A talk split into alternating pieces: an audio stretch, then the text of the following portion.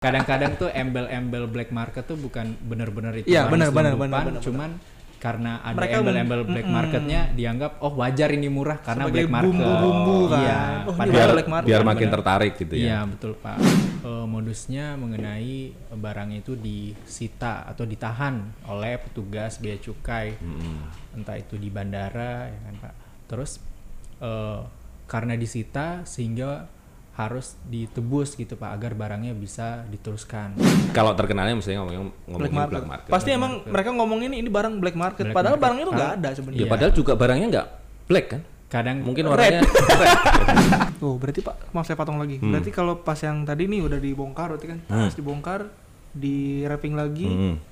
dikasih tanda lagi, itu pun tandanya tanda dari pos berarti Pak ya. Ya kalau biasanya selesai diperiksa, selesai diperiksa. Saya periksa.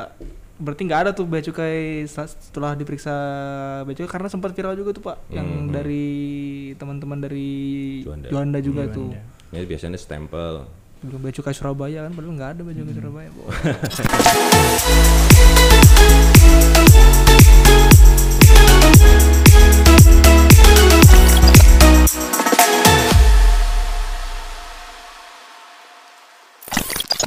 Hai sobat BC, masih di Ngorbit, ngobrol bareng bea cukai Bitung.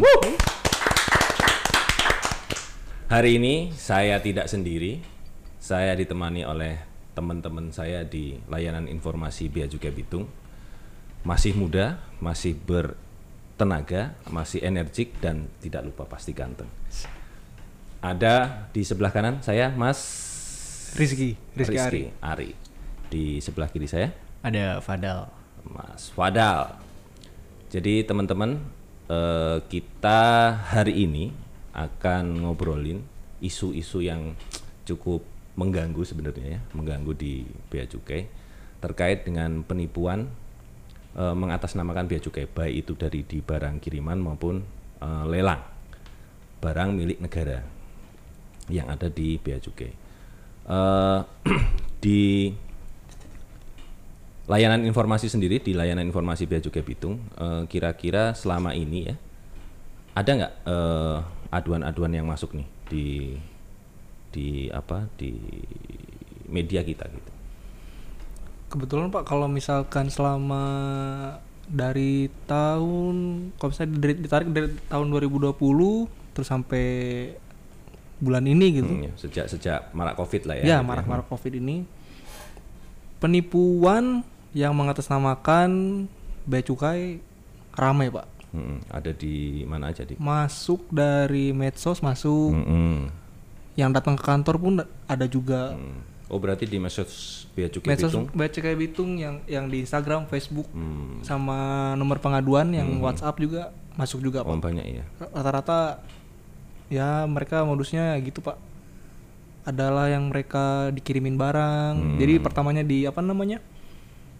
Ada pendekatan dulu gimana? hmm. Ada saudara di saudara jauh lah, ada yang modusnya kayak pacaran juga gitu kan, dipacarin dulu terus dikirimin barang, terus barangnya ketahan gitu-gitu lah, Pak. Oh, Macam-macam. hmm. itu yang dari sosmed Yang dari ya. sosmed. Kalau di yang datang langsung, Mas Wada?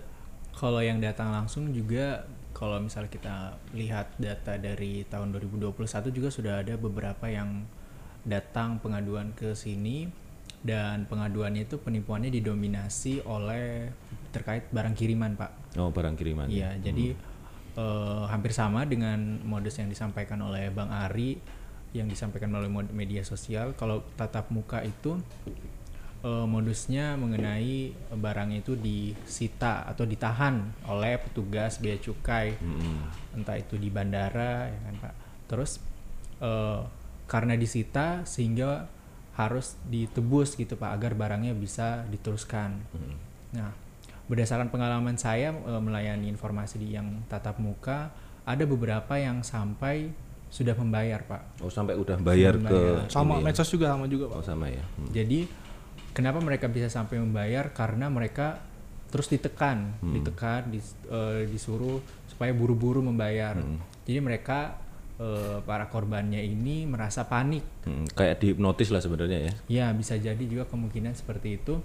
Jadi karena kondisi-kondisi tersebut sehingga mereka merelakan untuk membayar. Padahal setelah kami layani di sini di layanan informasi kami cek mengenai data-data eh, informasi yang mereka berikan ternyata barang kiriman tersebut fiktif, tidak nyata gitu, Pak. Jadi memang modusnya ini sekarang sudah makin canggih apa Canggih sudah banget, bener. eh, makin dan kompleks. Jadi mereka udah punya nomor rekeningnya, terus eh, airway bill atau nomor resinya itu yang udah dipalsukan dengan eh, sedemikian rupa sehingga kalau misalnya orang yang jarang melakukan pengiriman barang itu merasa bahwa oh ini kayaknya beneran karena eh, eh, bukti-bukti yang dikirimkan oleh pelaku penipuannya ini Mendukung. sangat mendukung yang biasa memang adalah kalau kalau misalkan searching di Google tuh ya model RW Bill atau Iya. CN-nya itu ya kayak gitu Iya, gitu ya. sama Jadi kalau kalau orang awam kan ya udah ada resinya ada juga kan ya berarti ya bener-bener dikirim gitu kan. Udah sangat mendukung. Kalau itu kan tadi terkait barang kiriman ya. Iya. Eh, terkait dengan lelang, kira-kira ada juga nggak yang masuk ke sini? Kalau kalau ya ada juga sih Pak yang masuk ke medsos tapi saya juga pernah Tapi modelnya konfirmasi ya kali ya, Iya, nggak gitu yang ya? konfirmasi tuh eh, pu- saya juga punya kerabat juga, kerabat teman juga Hmm. nanyain, "Eh, "Ri, ini bener nggak sih? Barangnya barang dari sitaan bea cukai katanya." Hmm, hmm, hmm. Ini Dilelang misalkan gitu ya. HP, HP iPhone satu satu juta setengah katanya. Hmm, hmm. Kan dari harga juga udah nggak masuk akal. Terus saya lihat juga dari tampilannya juga apa? Ya udah sangat tidak udah nggak apa namanya udah nggak kredibel lah gitu. Hmm, hmm, hmm. ada HP yang dijanjiin motor laptop katanya lelang katanya itu dilelang bea cuk- lelang sitaan bea cukai katanya. Padahal kan tidak apa terus dia pakai nomornya nomor rekening pribadi dari situ juga kan udah jelas karena bea cukai nggak tidak pernah memberikan menerima- ya memberikan ke rekening pribadi pasti ke rekening kas negara. Misalkan silahkan kirim ke rekening XXX atas nama Rizky Ari. ya Nggak pernah ya? nggak pernah Oke. Eh, selama ini dari eh, layanan informasi ya, eh, yang kita lakukan apa nih? Yang Mas Fadal sama Mas Ari lakukan untuk menjawab gitu, istilahnya supaya eh, apa istilahnya meyakinkan si pengadu ini, oh ternyata ini memang penipuan gitu. Apa yang dilakukan dari teman-teman layanan informasi? Kalau dari yang dari sosmed pak, yang pertama eh, yang handle yang kebetulan saya ada juga sama rekan saya. Kita lihat dulu bener nggak takutnya apa gitu kan kita kita cross check dulu kebenarannya apakah ini benar penipuan atau gimana. Oh di sistem kita kira-kira di tracking bisa nggak? gitu Tracking ya? masuk eh, barang kiriman ada apa enggak? Terus yang kedua kita lihat lagi nih yang yang mereka yang dari pelapor dia kasih ke kita tuh kayak yang tadi Pak RW bill-nya. Hmm. ternyata pas kita cek juga ternyata yang penipunya ngambil dari Google juga kan jadi Hmm, gitu. kan udah nggak ini juga kan. Dari situ terus selanjutnya kita sampaikan kalau misalkan eh kalau itu memang penipuan jangan sampai dan jangan sampai kirim speser pun lah gitu kan. Kalau misalkan yang mereka lapor nanya dulu tapi kan ada juga beberapa dari mereka yang udah transfer pak Hmm. dan jumlahnya nggak nggak sedikit juga Hmm, ya, kalau yang sudah transfer gitu nah yang sudah dari trans- layanan informasi biasanya diarahkan gimana? yang dari kalau kalau dari kami pak yang dari sosmed Hmm. kami sarankan buat eh, lapor dulu bikin laporan ke Polisi. ke polisi ke ya ke polisi Kepolisian ya. kepolisian lalu nanti laporan itu bisa dibawa ke bank Oh, di mana dia transfer? Mm-mm. Nanti dari bank nanti dia bisa pak untuk melakukan pemblokiran rekening Penerima. yang- Eh, rekening Ah, tinggal penerimanya re- rekening tujuan lah ya. Iya. Rekening tujuan. Hmm. syukur-syukur kalau bisa di apa kalau memang memang terbukti peni- penipuan Hmm. ada beberapa bank juga yang bisa narik lagi uangnya Hmm, jadi set- bisa dibilang di yang tatap muka pun sama ya yang disampaikan ya. kurang lebih sama pak jadi kalau misalnya eh, mungkin saya nambahin juga selain kita me- bagaimana men- memberikan informasi bagaimana menanggulanginya atau tindakan kuratifnya eh, tidak lupa juga kami di layanan informasi memberikan informasi untuk eh, tindakan preventifnya sehingga mencegah kalau ke- kemudian hari terjadi lagi sehingga pe- pengadunya ini sudah bisa ngecek sendiri ini penipuan atau bukan. Dengan eh, kita menginformasikan bahwa kalau eh, pengiriman barang yang resmi atau memang ada tagihan negara yang resmi itu tadi dia melalui eh, rekening kas negara yaitu di mana dibuktikan dengan adanya kode billing. Nah, oke. Kemudian eh, apabila itu memang barang kiriman yang benar-benar eh, ada di bea cukai bisa dicek di eh, li- channel-channel yang disediakan oleh bea cukai bisa melalui website bea cukai beacukai.go.id kemudian bisa juga melalui aplikasi mobile bea cukai. Nanti tinggal dimasukkan aja nomor billing atau RW bill-nya. Nanti bisa dicek apakah ini status barang ini benar-benar ditahan atau disita oleh bea cukai. Nanti akan muncul juga tagihannya. Di situ kalau memang ada pungutan negara yang harus dibayar sehingga pengadunya juga bisa lebih paham bahwa eh, banyak kasus-kasus di yang ada di eh, Indonesia khususnya ter- yang terkait dengan bea cukai namun ada caranya untuk mereka bisa eh, terhindar untuk agar tidak menjadi korban dari penipuan tersebut. Oke, eh, ini dari sisi layanan informasi. Mungkin kita eh, sebagai bea cukai punya peran juga kita harus memberikan apa namanya informasi kepada masyarakat. Bagaimana eh, seharusnya kita bersikap atau sebagai kita apa ya istilahnya saya saya, saya sebagai eh, sebagai penerima lah penerima barang itu harus bersikap seperti apa. Jadi kalau kita melihat perkembangan eh, misalnya e-commerce ya, kita ngomongin ke perkembangan e-commerce atau kita ngomongin barang kiriman lah. Barang kiriman itu setahu saya ya, yang bisa saya sampaikan ke teman-teman eh, di eh, sobat-sobat BC bahwa barang kiriman itu ada dua jenis. Iya. Dua jenis dalam artian bahwa ketika kita ngomongin barang kiriman itu ada yang pertama adalah memang karena kita membeli sesuatu dari luar negeri. Yang kedua kita eh, menerima barang dari luar negeri karena mungkin kita punya eh, saudara di luar, di luar negeri yang ingin mengirimkan oleh-oleh lah misalkan hadiah Ah, hadiah atau memang kita di endorse nih kan ada juga nih karena kita mungkin eh, apa ya, Influencer ya. influencer influencer kita dikasih hadiah contoh gitu. barang contoh dari suatu brand gitu kan terus kita suruh eh, menggunakan barang itu nanti untuk ditampilkan di sosmed yang kita punya jadi kita perlu kasih tahu ke teman-teman atau sobat-sobat BC bahwa eh, cara yang paling aman dan bagaimana nanti prosesnya di bea cukai terkait dengan handlingnya barang kiriman itu eh, supaya teman-teman atau sobat-sobat BC itu bisa lebih hati-hati lagi nanti ke Iya, depan. betul.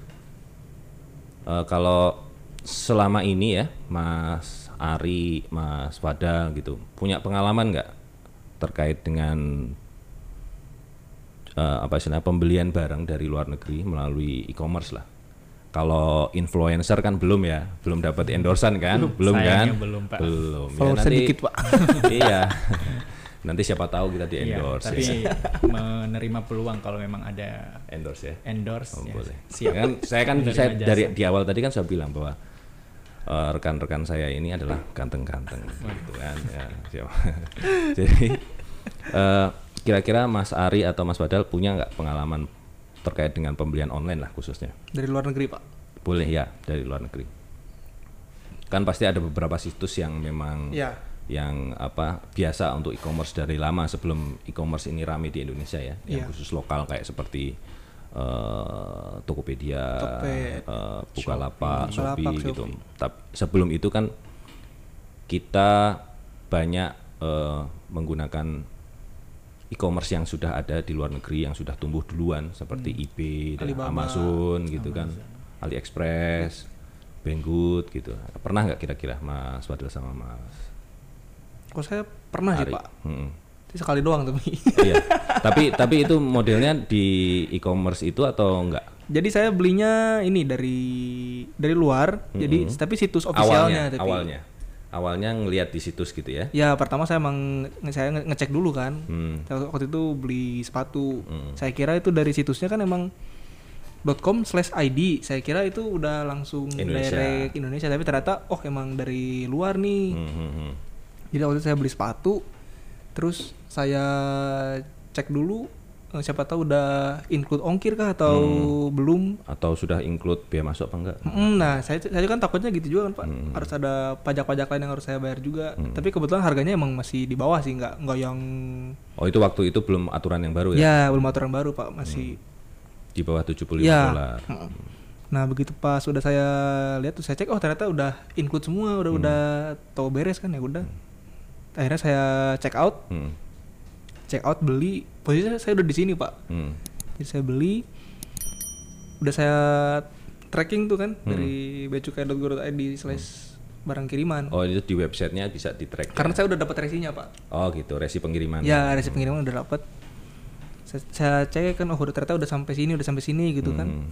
Terus kok nggak sampai-sampai kan nggak sampai-sampai kenapa takutnya walaupun saya becukai kan saya juga wih jangan-jangan ada apa-apa nih Jangan-jangan saya ditipu juga gitu. ya. Ternyata bea cukai bisa ditipu juga. Bea cukai bisa juga menjadi korban ternyata dalam Iya, kasus ini. takutnya gitu kan tapi ternyata pas sudah dicek ternyata oh lama lama dari Manadonya mau ngirim ke Bitung kan kayaknya Berarti lokalannya. hmm, Iya, nung- lokalannya nungguin tol jadi ya. nungguin banyak dulu ininya muatannya baru dikirim ke Bitung ternyata akhirnya saya jemput sendiri ke Ke Manado. ke Manado daripada saya nggak pakai sepatu kan Oh iya. Waduh. Kalau Mas Fada? Kalau saya sih jujur Pak belum pernah bel- sampai untuk kesampaian beli eh, dari ke barang dari luar negeri. Namun seperti biasanya kalau kita para konsumen pasti sebelum kita membeli suatu barang kita research dulu. Apalagi kalau barang-barang yang asalnya dari luar negeri. Kita mau bandingin nih kalau kita beli langsung dari luar negeri sama beli lokal Oh ada nggak barang yang sama di barang yang sama e-commerce Terus, lokal oh, gitu ya? mana yang lebih murah gitu jadi saya pernah riset riset sedikit lah misalnya pada saat saya mau beli handphone misalnya saya cek kalau misalnya beli dari luar negeri misalnya situsnya dari Amazon Hmm. itu kayak gimana mungkin peng- yang pengalaman yang bisa saya ceritakan dari situ ketika saya riset tersebut saya klik lah eh, misalnya eh, barangnya ini jumlahnya terus tu- tujuannya. Nah berdasarkan pengalaman saya ketika eh, proses eh, pengisian informasi tersebut nanti akan muncul eh, fee eh, transportnya dari luar negeri misalnya dari eh, contohnya waktu itu dari Singapura sampai ke alamat tujuan ke saya. Lalu ada tambahan fee yaitu eh, fee terkait clearance-nya Hmm. nah jadi eh, di situ udah dihitung karena barang ini termasuk barang yang kena pajak ketika masuk Indonesia udah dijelasin di situ harganya Oh, langsung berapa yang harus otomatis berarti ya, Iya, ini. jadi sebelum saya beli atau melakukan pembayaran saya udah tahu bahwa ini Total-totalnya saya harus bayar total-totalnya saya berapa. harus bayar berapa betul pak jadi di kemudian hari apabila misalnya eh, menurut bayangan saya ya apabila saya jadi beli barang itu nanti ketika barangnya sudah sampai di bea cukai dan terdapat pungutan negara itu sudah di- akan dibayarkan oleh pihak jasa titipannya atau Hmm. pihak yang mengirimkannya. Karena sudah dibayar di awal dan sudah jelas juga nominalnya berapa gitu. Hmm. Terus akhirnya? Jadi? Nggak jadi beli Oh, jadi. lebih murah eh, Lebih murah setelah ternyata. dihitung-hitung ya sama aja ketika kita beli dari luar ditambah dengan pajak dengan beli yang dari dan eh, lebih cepat beli di, di sini juga dan kan? lebih cepat juga. Langsung. dan istilahnya rasanya kayaknya lebih aman beli di sini gitu kan gitu ya. ya bisa jadi Memang eh, ngomongin barang kiriman ini menarik gitu. Ngomongin barang kiriman menarik. Jadi yang perlu kita sampaikan ke sobat-sobat BC di apa di luar sana bahwa eh, banyak sekarang ya kalau posisi sekarang ya sudah banyak sekali barang-barang yang eh, sudah ada di Indonesia di e-commerce Indonesia. Contohnya ada di Shopee, ada di Lazada, ada di Bukalapak dan lain-lain. Yang yang perlu diperhatikan bahwa memang kadang-kadang kalau kita melihat searching barang itu tadi yang sedih bilang sama Mas Fadal bahwa ada barang kalau misalkan di luar negeri itu ternyata oh murah ya gitu ya. Murah ya. Pertama mungkin kita ngeliat di Indonesia dulu oh barangnya harganya sekian. Coba kalau saya beli langsung gimana dari luar negeri? Oh ternyata lebih murah. Lah tapi yang harus diperhatikan oleh sobat-sobat BC bahwa ternyata eh, di situ ada ongkos kirimnya ada bea masuk dan pajak dalam rangka impor. Karena memang semua barang yang berasal dari luar negeri adalah terhutang biaya masuk dan pajak dalam rangka impor. Belum juga nanti mungkin fee terkait dengan apa eh, handling fee-nya Iya. pengiriman. Handling Nah, itu ternyata setelah dihitung-hitung oh ya hampir-hampir mirip lah. Mungkin selisih 100 ribu, 200 ribu gitu kan. Istilahnya tinggal memilih. Iya. Mungkin eh, teman-teman sobat-sobat BC bisa lebih selektif lagi ketika untuk barang-barang yang memang sudah ada di Indonesia silahkan menggunakan barang apa eh, e-commerce yang sudah ada di Indonesia. Tapi kalau memang tetap pengen beli barang-barang dari luar negeri, ya itu yang harus diperhatikan kan gitu. Dan juga ya yang mungkin yang memang tidak ada di Indonesia gitu kan. Mungkin kayak misalkan sepatu untuk seri-seri tertentu Ya, Nike misalkan gitu kan itu memang tidak ada di e-commerce Warnanya Indonesia. Ah, warnanya berbeda gitu di kan sini cuma ada hitam biru, hitam merah. Ternyata di luar tuh ada hitam warna hitam coklat gitu. mau ada yang istilahnya campur-campur gitu kan Hmm.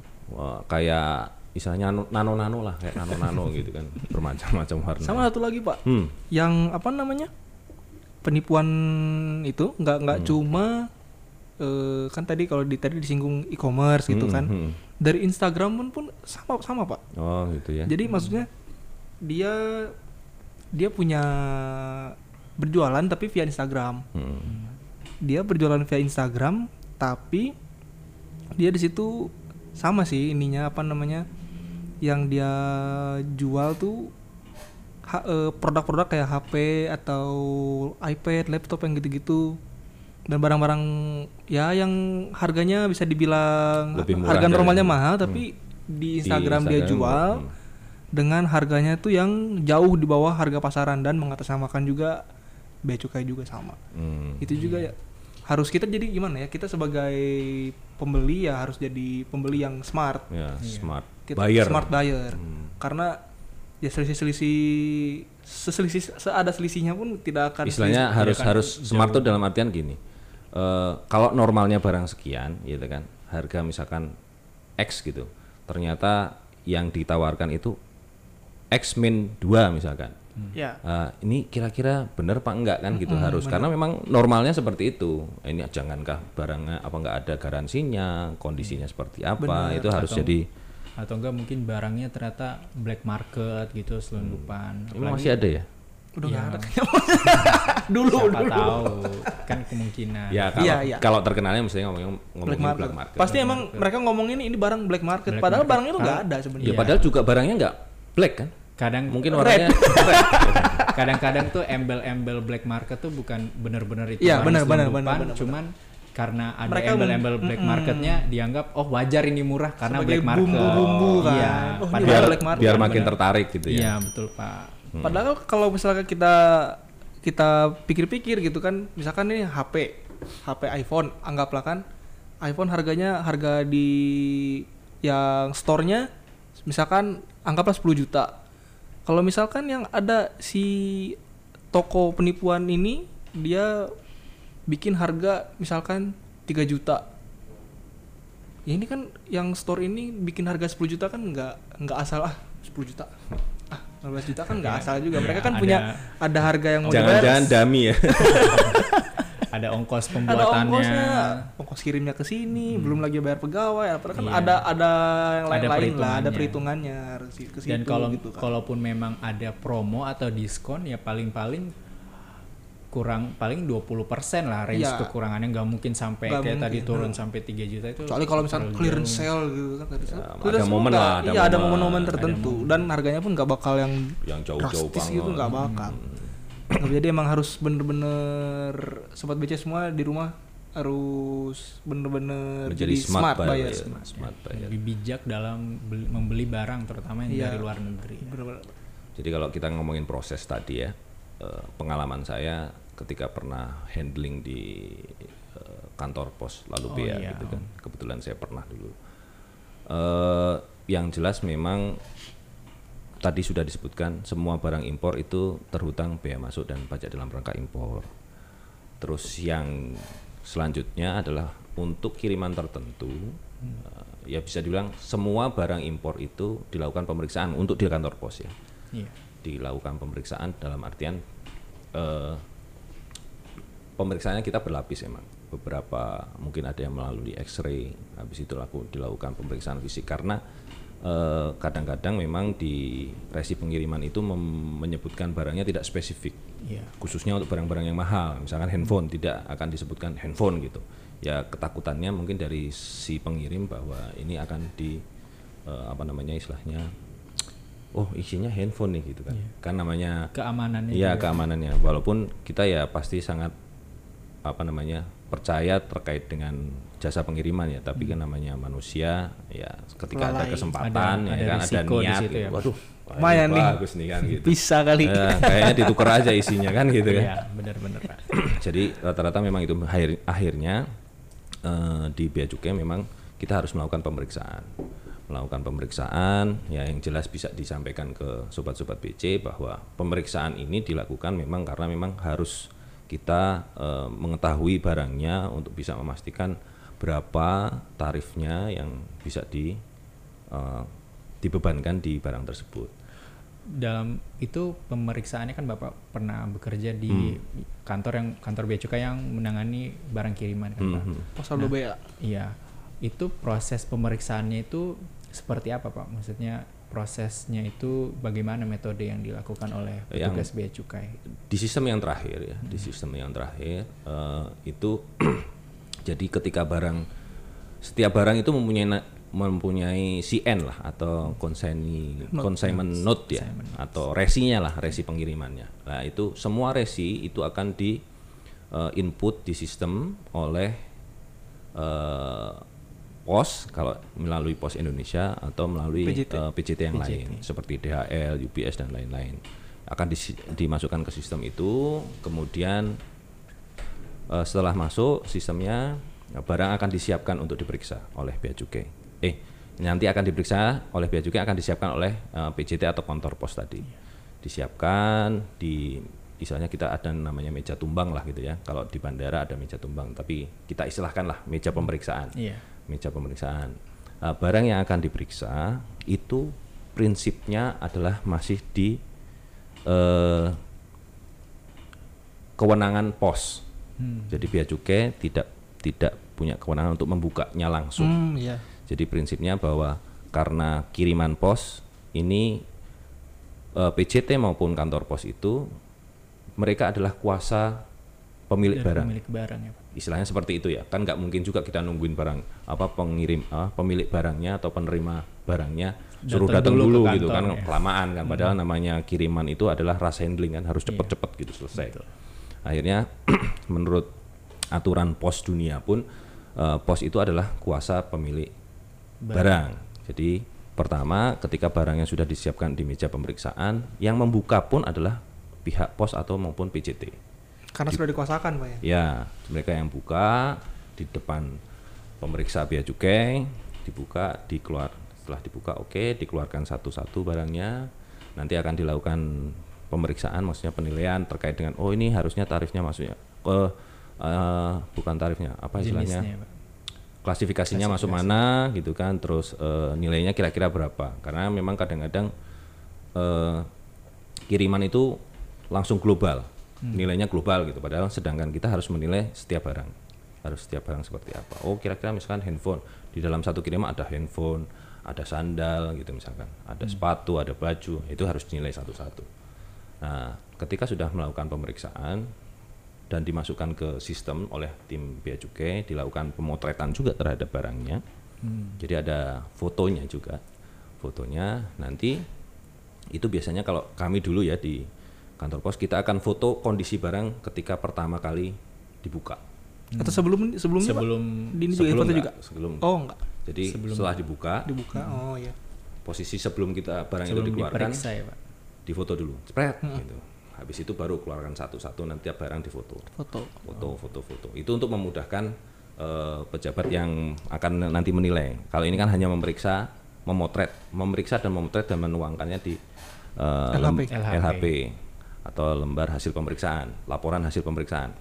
Nah, ketika sudah selesai eh, penginputan di situ nanti barang itu akan dibereskan kembali dan dihitung lah misalnya jumlahnya ada berapa. Oh tadi total total dalam 10 satu kemasan ada 10 ya harus masuk 10 harus masuk 10 habis itu nanti sama pihak posnya sudah selesai pak? Sudah.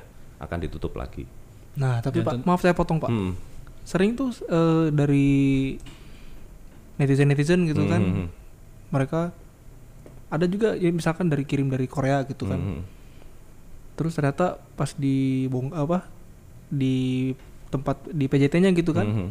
Ternyata pas udah nyampe ke mereka, ih barangnya rusak. Hmm. Barangnya rusak terus nah ini bea cukai gitu. Wah, Hmm. bea cukainya nih gitu, yang yang merusak paket saya. Itu, itu gimana, Pak?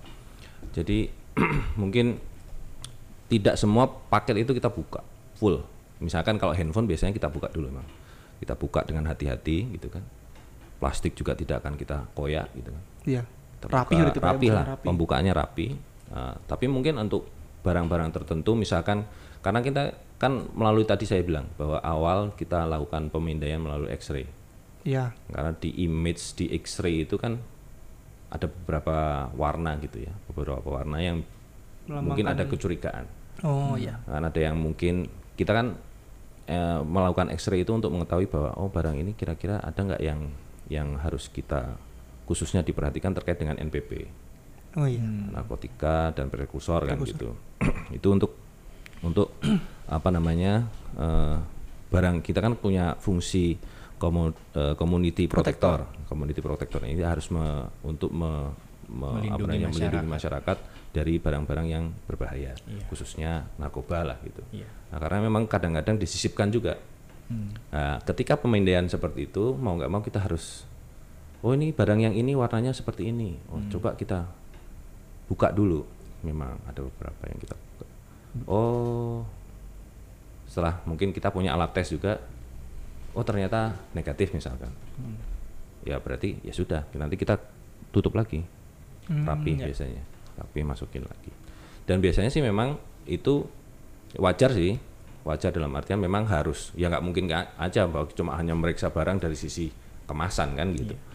Kita juga harus tahu ketika memang ada kecurigaan di X-ray ternyata barangnya ini apa namanya eh, mengandung hal-hal yang berbau-bau tahu di- terkait dengan MPP ya harus kita buka.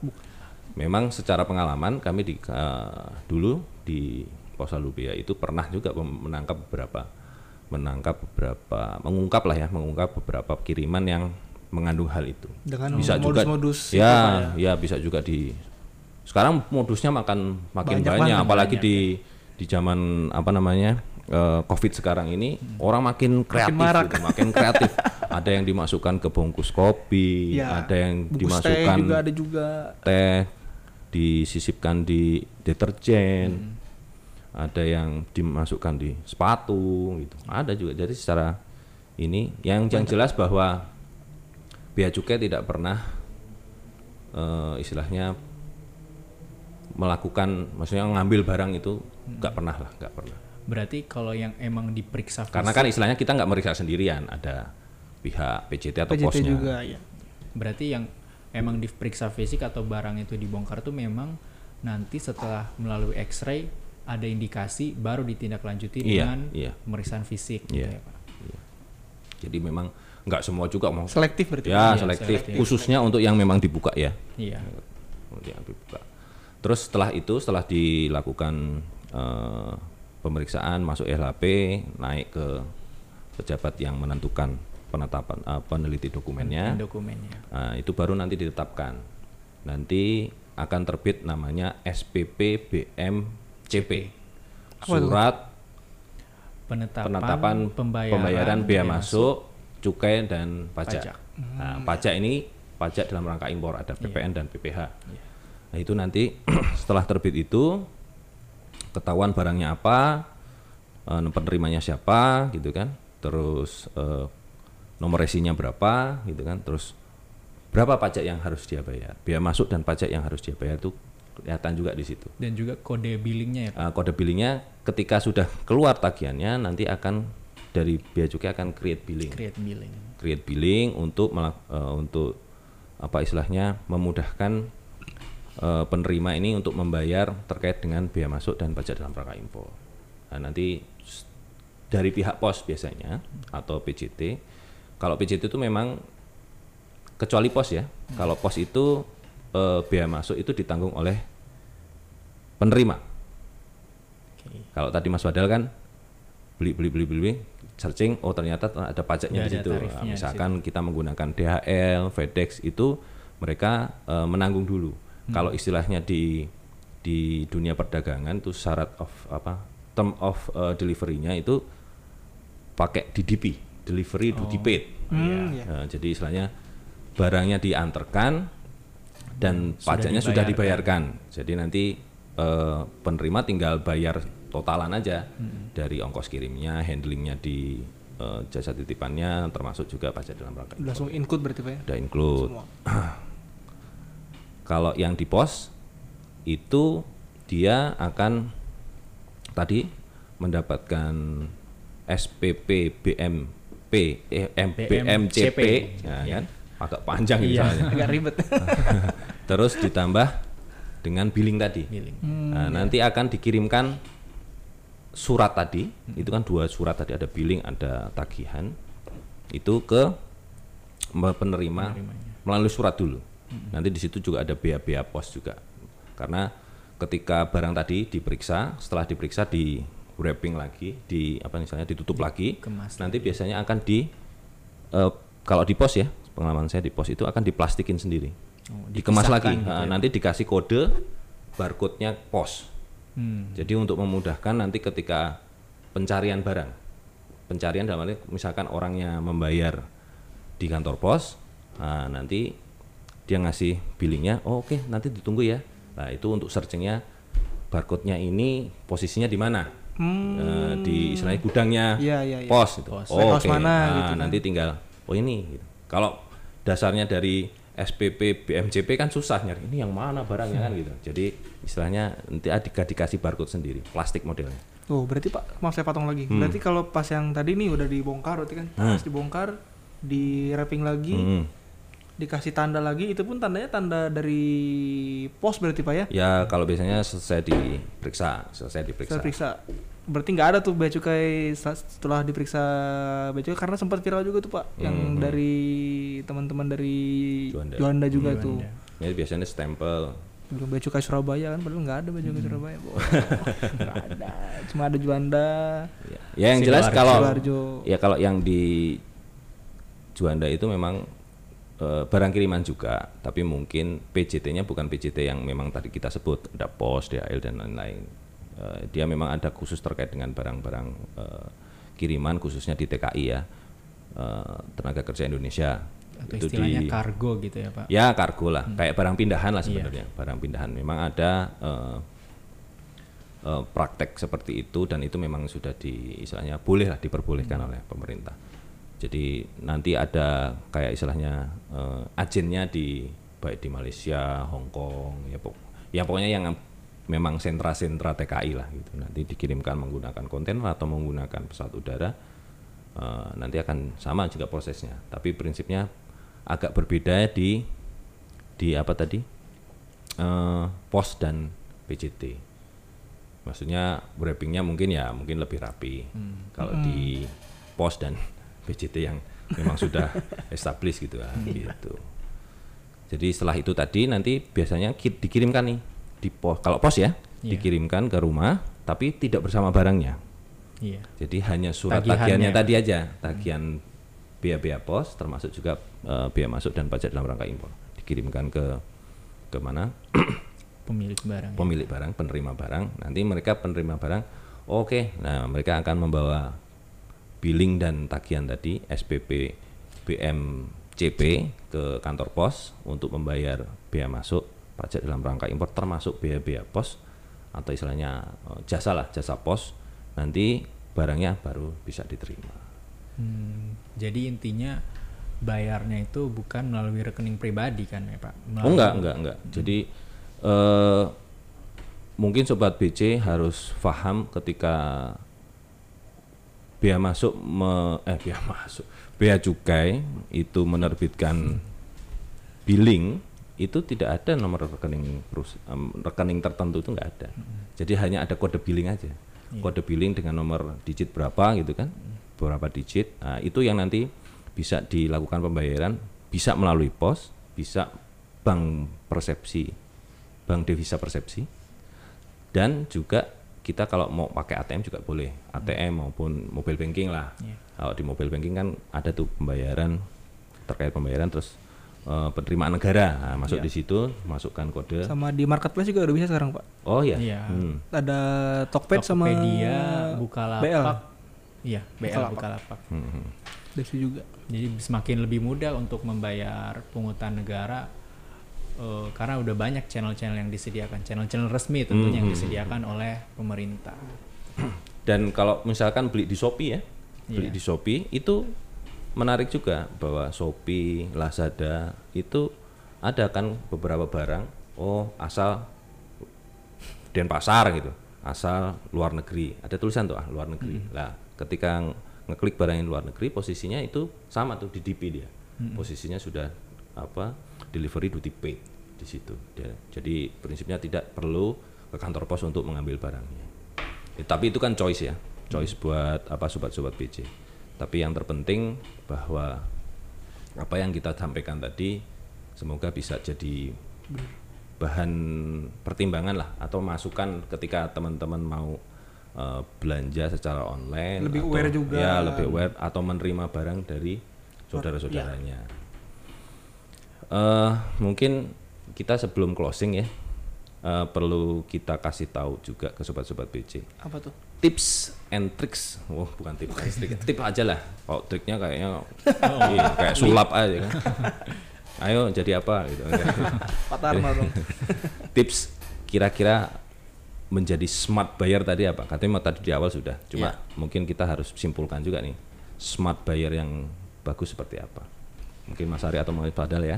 Terus saya dulu deh. oke. Nanti keburu di, diambil jawabannya. yang pertama, Mm, beli di marketplace yang trusted, nah, terpercaya terpercaya. Jangan yang Abal-abal. abal-abal. Abal, ya. Aduh, jangan deh. kalau misalkan itu yang pertama tadi kan trusted uh, e-commerce lah Iya. Uh, misalkan harus membeli dari yang tidak terpercaya, apa yang harus dilakukan? Kita pastiin dulu kalau misalkan di Shopee atau apa ratingnya dulu kita lihat. Testimoninya. Testimoninya. kalau misalkan kalau kalau Shopee kan berarti kan trusted ya. Iya. Uh, kalau Instagram lah, Instagram. Nah, kalau dari Facebook, nah, Nah, ini mumpung, saya tahu nih. ya kan Kalau dari- pengalaman scrolling scroll scrollnya. Kalau misalkan dari Instagram kan misalnya nggak nggak ada tuh nggak bisa kita lihat komennya apa itu gimana kan barangnya udah nyampe yang Hmm.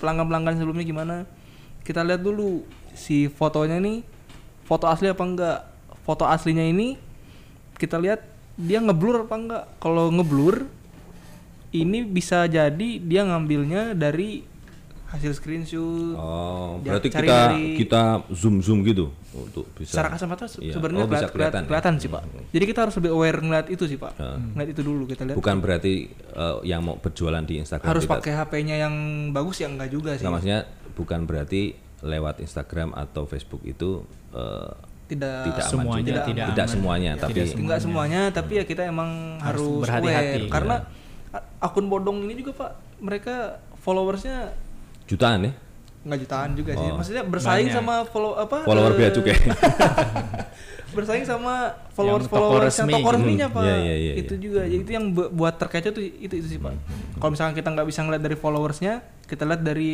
yang detail lebih detail lagi dari Hmm. fotonya kita lihat pecah apa nggak kalau pecah waduh kita cari lagi deh gitu yang Hmm, yang yang lebih lain. trusted dan Atau- harganya juga atau tadi. mungkin kalau misalkan di face, di Instagram atau Facebook ada coba kita bandingkan di marketplace yang yang Ya. terpercaya ada nggak barang yang sama kan Benar, gitu kan. benar, kalau benar, memang ada oh jangan-jangan. Karena mungkin saya beberapa kali pernah lihat juga di Instagram untuk satu barang oh segini kayak menarik nih.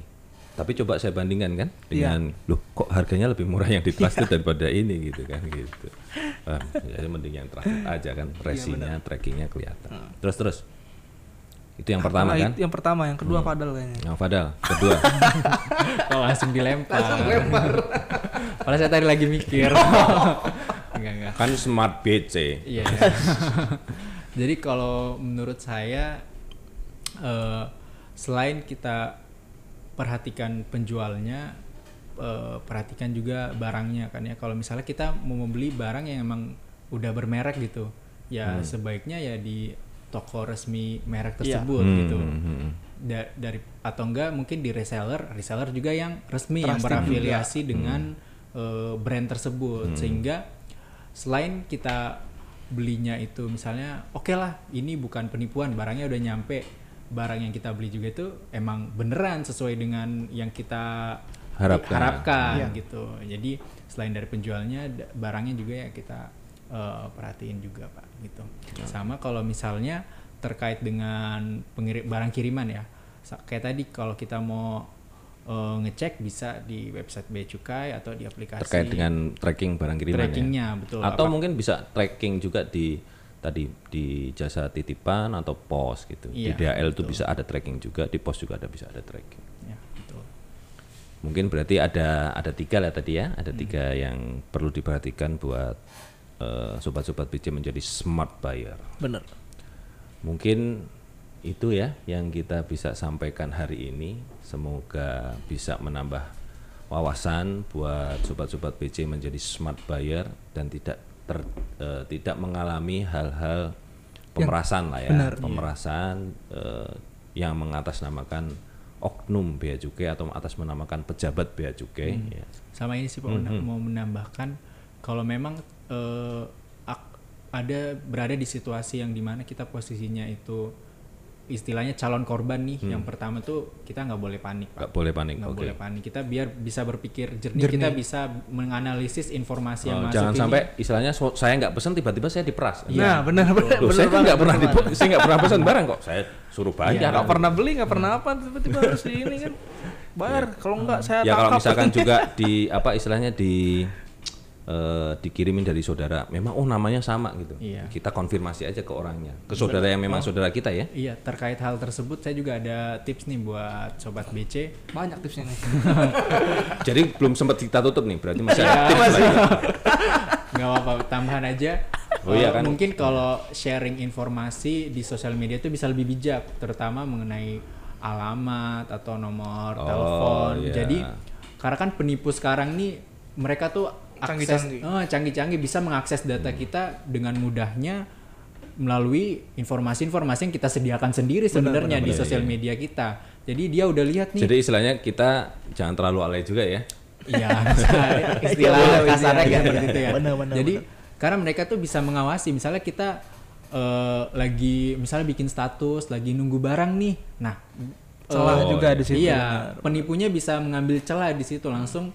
Oh ini lagi nunggu barang, ya bikinlah kasus eh, case bahwa barangnya ini eh, sedang tertahan di bea cukai. Jadi korbannya ini Oh, Nggak, iya bahwa, nih, iya ini barang saya ternyata karena emang saya lagi nungguin barang gitu padahal Kadang-kadang beli barang lokal dianggapnya disuruh bea cukai, Iya, padahal bea cukai itu hanya ngurusin barang impor dan Barang ekspor impor aja. dan Bener bener ekspor. pak itu itu sering juga kejadian. Mm-mm. Jadi Tadahan bea cukai katanya. "Hah, apaan? Jadi ya kita harus berhati-hati mengenai informasi yang kita Iya. bagikan di sosial media karena penipu ini matanya di mana-mana mereka mengawasi gerak-gerik kita. Dan apalagi yang menyangkut informasi pribadi kan pak, itu bener-bener harus harus kita jaga lah bener-bener. Seperti itu sih Pak. Oke oke Eh, itu tadi tambahan tipsnya ya khususnya buat eh, menghindari penipuan ya. Iya, Kalau tadi sudah smart buyer terus men- menghindari penipuan, eh, semoga informasi yang kita berikan bermanfaat buat sobat-sobat BC dan istilahnya eh, kasus terkait dengan penipuan itu makin menurun lah ya. Iya. Semoga tidak ada pen- tidak ada lagi lah ke depan. Iya, karena Karena istilahnya kan merugikan kita semua Iya. bea cukai juga istilahnya Terutama masyarakat ah, juga, masyarakat, Masyarakat juga. yang harus mengeluarkan uang Iya. Bener. Puluhan sampai puluhan juta malah. Iya, oke. Jadi itu ngorbit kita kali ini eh semoga kalau misalkan teman-teman sobat-sobat BC ingin eh, mengetahui informasi terkait dengan Barang kiriman. bea cukai, Oh, bea cukai. bea cukai, kita bisa follow ya. Bisa follow di mana kita Mas Padahal layanan Bisa- informasi kan? Bisa follow di sosial media Bea Cukai Bitung ada di Facebook, Instagram, Twitter @beacukaibitung. Terus bagi sobat-sobat BC di rumah pe- penonton setia ngorbit BC Bitung, kalau misalnya ada pertanyaan, Nah, itu saran, maksudnya tadi. kritik, Ah, kalau ada pertanyaan, Apa saran, ada ide kritik, yang pengen atau di- ide yang supaya kita- diangkat ah, di iya, podcast diangkat. ngorbit, bi- silakan dimasukkan aja di ketik di Kolom kolom komentar. komentar eh, video ini. Terus juga kalau suka video ini bisa like, subscribe ya. Eh, Harusnya subscribe jangan lupa. iya, jangan lupa Biar kita semakin semangat semangat, memberikan informasi makin informasi ganteng teman-teman. ke sobat BC semua. Terus satu lagi Pak yang penting kalau misalnya di tengah kasus eh, penipuan terus misalnya nggak sempet buat dat- eh, datang ke Bea Cukai Hmm. Bitung bisa menghubungi ke hotline Bea Cukai Bitung Oh, Di mana tuh? di bisa telepon atau WhatsApp di 0811 4334 493. Uh, lihat tulisan ada tulisan itu. Nanti ada Catat ya, catat ya. atau kalau emang mau yang mungkin Kita eh, detailkan di deskripsi ya nanti. ya. Iya betul Pak. Atau misalnya kalau penontonnya bukan dari Bitung nih, Hmm. eh, bisa juga telepon langsung ke Bravo Bea Bea Cukai 1500 225. Oke, mungkin itu ngorbit kita hari ini.